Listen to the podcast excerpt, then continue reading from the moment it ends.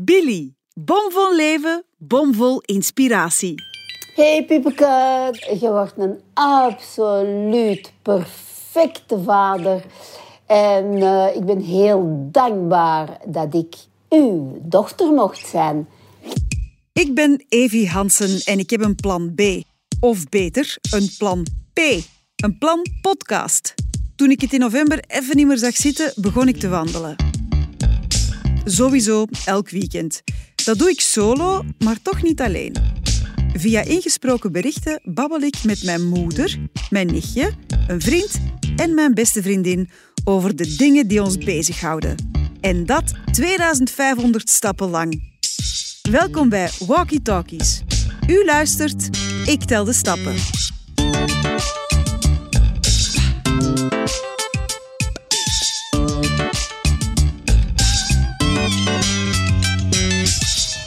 Dat je weer luistert naar Walkie Talkies. En zo meteen spreek ik via gesproken berichtjes met mijn mama, Arlette Jacobs. Want het is Vaderdag. En ik wou het eigenlijk graag met haar hebben over mijn twee vaders, mijn biologische en mijn stiefpapa.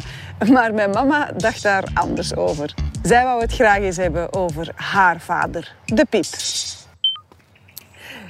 Dag lief moederke. Um, ik ben in de stad uh, door het park aan het wandelen. En ik denk dat jij gewoon in uw zetel zit, een beetje aan het rusten bent. En uh, je hebt groot gelijk. Maar um, jij wou het heel graag hebben over uw eigen papa, hè? Gaston Jacobs. Of zoals wij die allemaal noemden, de Pip. Waarom eigenlijk? Ja, als ze spreken over vadergezag, het eerste wat in mijn kop opkomt, dat is vadergezag. Mijn vader. En uh, ja, ik wil, ik wil een klein beetje een ode brengen aan mijn vader. Die we vanaf nu de Piep gaan noemen. Want iedereen noemde die de Piep. Heel Schilde noemde die de Piep. Al de familieleden, de geburen, de kennissen. Dat was allemaal de Piep. Maar wat weet jij nog van de Piep? Want jij hebt die ook toch nog vrij lang gekend. Oh ja, de Piep. Dat was echt een hele toffe opa. Echt een opa in de volle zin van het woord. Die zag zijn kleinkinderen heel graag.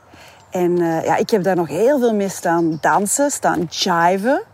En wat ik mij ook herinner, is dat hij verhalen vertelde van vroeger. Um, hij was echt een hele fiere senior, een echte Antwerpenaar.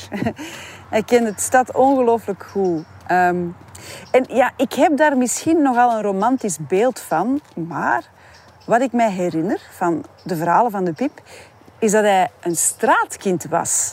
Want hij kwam uit een vrij arm gezin. Um, zijn ouders hadden een café en hij was enig kind. Dus ja, heel, heel vaak alleen in de stad, in Antwerpen, aan het rondzwerven. Dat klopt toch, hè? Ja, dat klopt. Um, wat mijn vader, de Piep, me heel, heel dikwijls vertelde... dat was dat hij langs de straten liep. En uh, dan was het al donker. En hij keek binnen in de huizen. Hij zag daar de gezelligheid, uh, de lichtjes in het huis... Hij wandelde rond en uh, hij had wel heimwee naar een heel gezellige woonplaats en een zetel. En uh, hij wilde echt de gezelligheid opsnuiven en in zich opnemen. Want de Piep woonde eigenlijk in een café. Zijn moeder, Mamou, die je nog kent van het moordverhaal, zij was ook herbergietster in Antwerpen. Ik denk niet dat die ooit een woonplaats hebben gehad, maar die woonden gewoon in het café. Ja, hij heeft me ook verteld dat hij toen altijd een hondje bij zich had tijdens die lange wandelingen. En ik weet ook nog goed dat hij vertelde dat dat hondje gestorven is in zijn armen. Omdat dat hondje aangereden was door ja, die enige auto waarschijnlijk die toen uh, door de stad reed. En op het moment dat hij dat vertelde, ja, toen stokte zijn adem en kreeg hem echt tranen in de ogen. De Pip was eigenlijk een hele gevoelige man, hè. Maar ja, die heeft ook wel wat meegemaakt. Want hoe oud was hij toen de oorlog uitbrak? 17 of zo? En dat was toch voor hem ook een zeer bepalende periode. En niet alleen een, een angstige periode, maar ook een enorm groot avontuur. Toch? Ja, ik denk ook dat ze er serieus wat avonturen hebben beleefd. Eh, ten eerste klopt het dat de Pip een hele, hele gevoelige man was.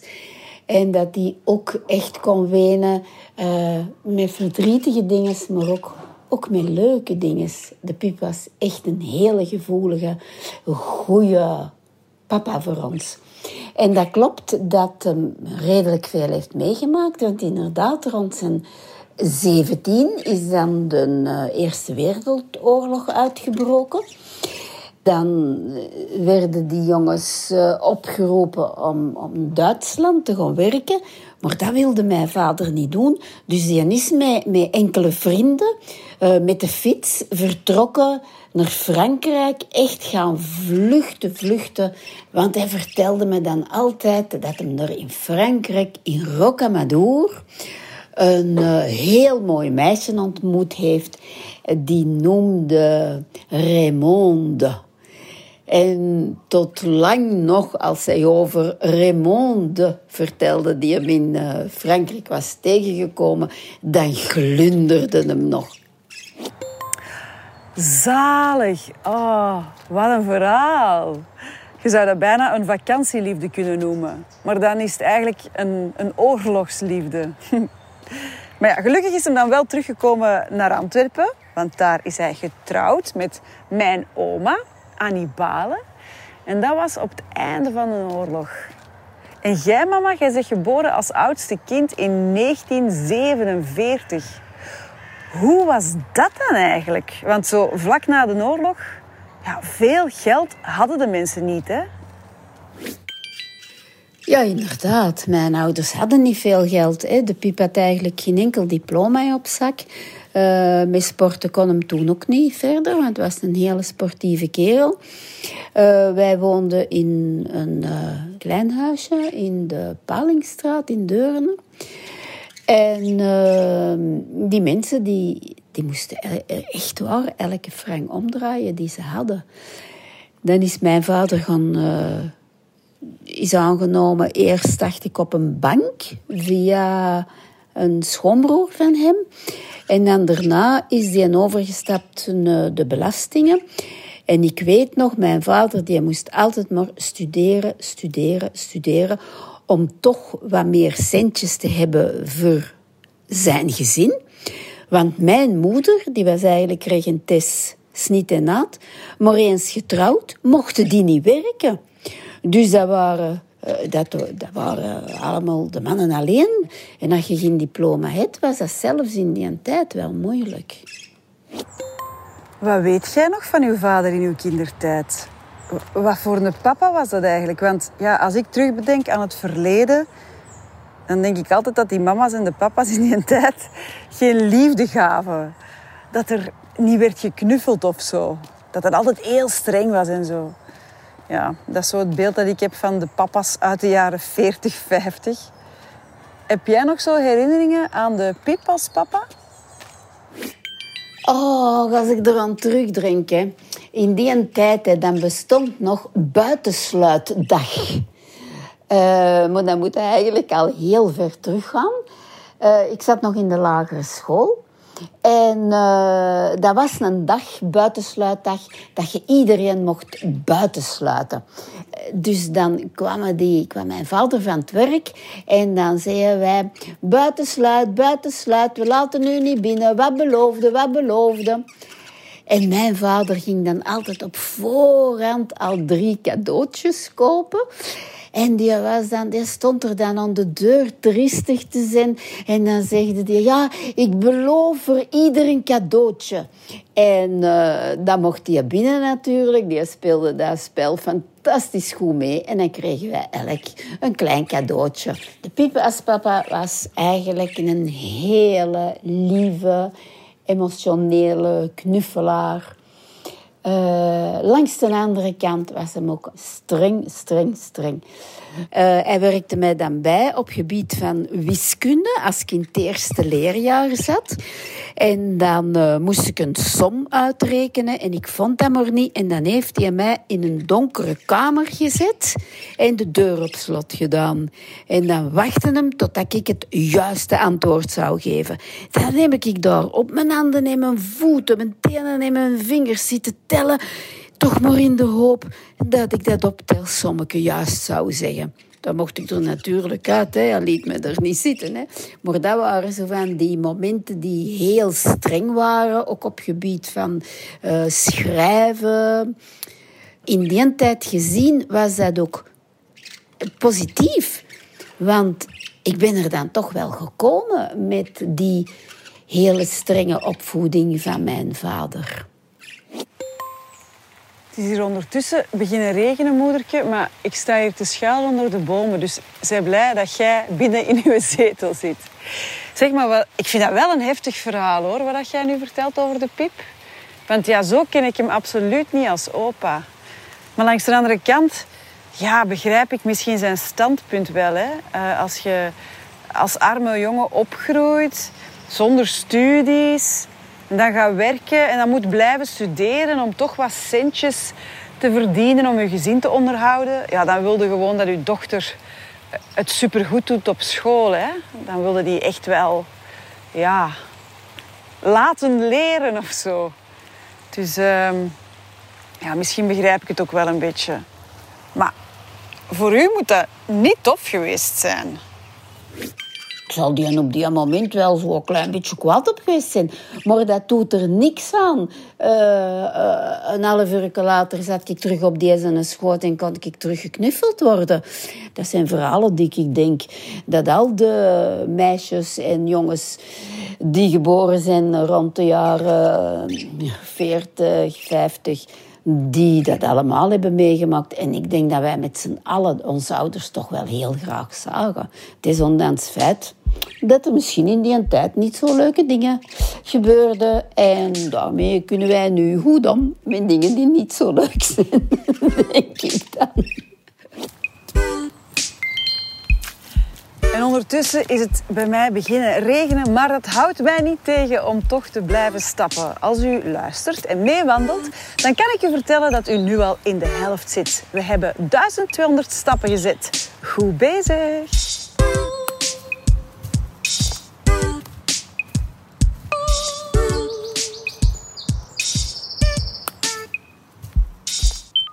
Wat ik ook nog weet over eh, de Pip, mijn grootvader, is dat hij heel goed kon dansen. Ja, ik weet nog dat we op familiefeesten heel vaak stonden te rock en rollen, zo echt te jiven. Ja, dat was echt wel een levensgenieter, hè, de Pip. En die dronk ook heel graag een wijntje. Of twee of drie. dat zit ook in de familie. En, moeder, ik denk dat de Pip ook wel een charmeur was een charmeur was. De Piep in ieder geval. Ik heb nog een klein anekdootje te vertellen. Uh, toen was hij al uh, redelijk op leeftijd. Hij had een heel zwaar accident gehad. Uh, hij kwam terug naar huis en hij werd thuis verzorgd. Dus elke dag kwam er een verpleegster hem in een douche zetten. Maar dat was een hele nette zomer en die dag kwam de verpleegster drie keer per dag mijn vader een koele douche geven. En op een dag komt ze naar beneden en ze zegt, zeg, die piep, dat is nogal iets. weet je wat hem zegde?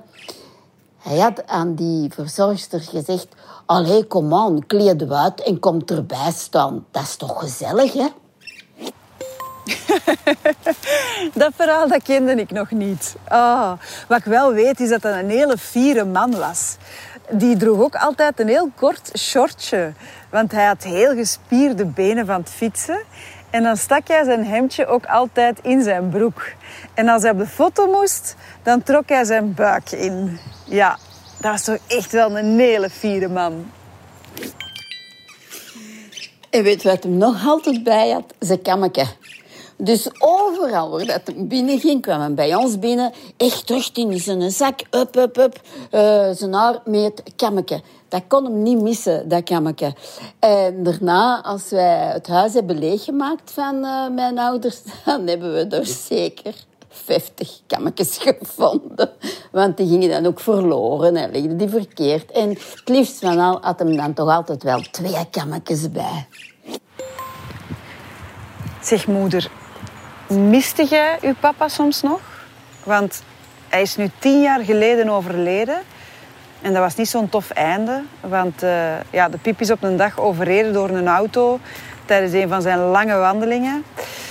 En daar is eigenlijk een leidersweg begonnen. Uh, ik denk dat hij nog twaalf jaar zo echt gesukkeld heeft. In de ergste zin van het woord. Hè. Hij was zijn smaak kwijt, zijn reuk kwijt, zijn evenwicht kwijt, zijn zicht was weg. Dus ja, alles wat hij graag deed, ja, sport, met een auto rijden, wijn drinken, fietsen, daar had hij allemaal geen genot meer van. En dan heeft hij nog twaalf jaar geleefd. Uh, de laatste tijd denk ik wel terug heel veel aan mijn vader.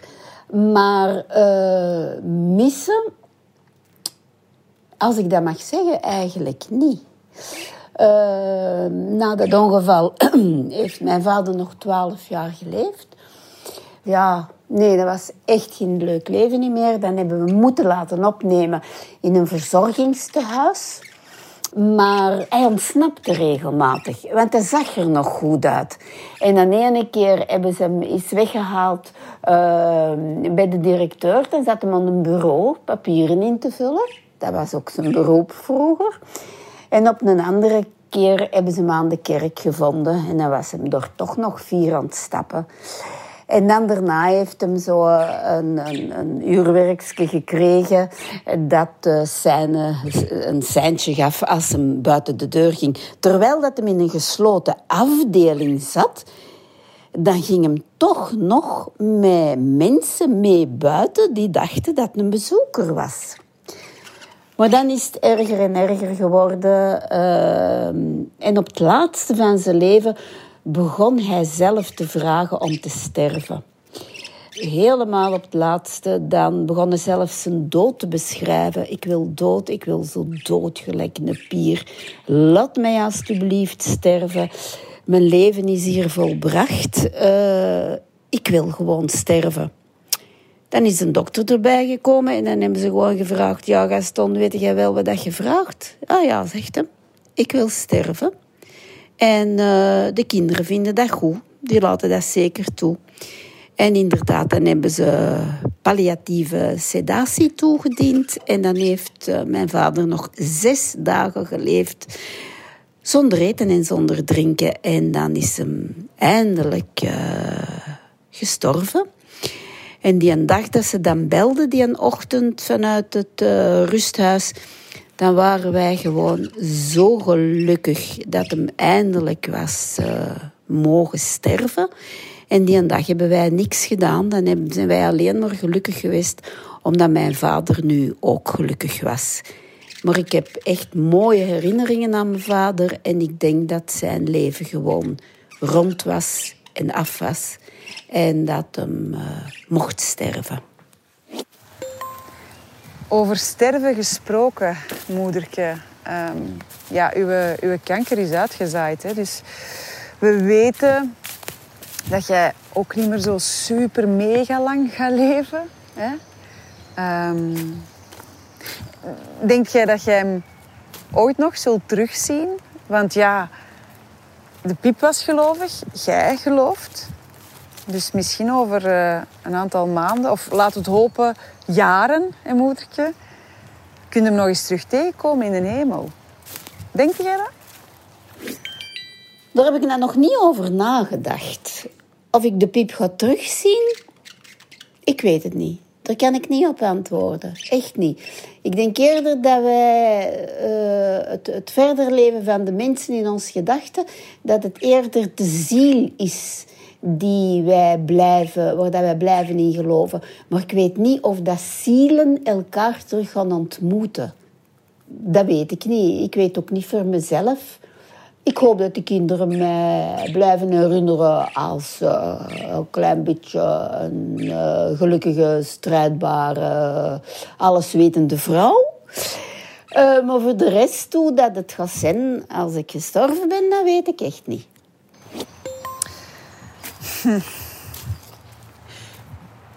Moeder, um, jij wou dit gesprek met mij omdat jij een ode wou brengen aan uw vader, Gaston Jacobs, de Pip.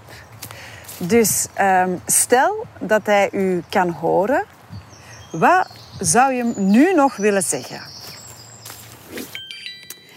Hey Pipeke, ik hoop dat het u fantastisch goed gaat. Ik hoop dat je omringd bent door allemaal knappe vrouwen die eens mee onder de douche willen gaan staan. En uh, je wordt een absoluut perfecte vader. En uh, ik ben heel dankbaar dat ik uh, uw dochter mocht zijn. En God weet, tot binnenkort. Dag Pipke, dada. Oh, moederke, dat is zo schoon. Ja, ik sta hier weer bijna te huilen. Ik zou dat van de piep hebben geërfd. Dat snel blijten. Allee, het begint hier te regenen weer, dus ik ga snel, snel, snel schuilen. Oh, het was superleuk om u nog eens te horen, lief moedertje. En tot binnenkort. En um, ja, blijf dan nog wel even gezond, hè? Oké? Okay? Maar eventjes toch gezond, ja. En ik reken zo'n klein beetje op de dok dokters en de behandeling dat ze mij toch nog een paar jaartjes geven. En voor de rest uh, heel vlug tot ziens. En dan gaan we blijven vertellen over het leven. Oké, okay? Bye bye. Dag. Heel tof dat je meewandelde met mijn mama en ik. Um, in het begin van de podcast spraken we heel even over Mamou en het moordverhaal. Als je daar graag meer over wil horen, luister dan zeker naar de aflevering van 17 april.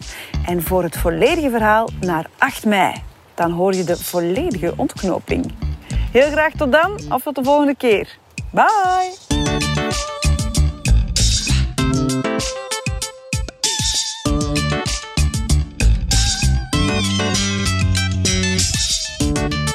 Walkie Talkies is een podcast van Billy, het lifestyle magazine van het Nieuwsblad, Gazet van Antwerpen en het Belang van Limburg.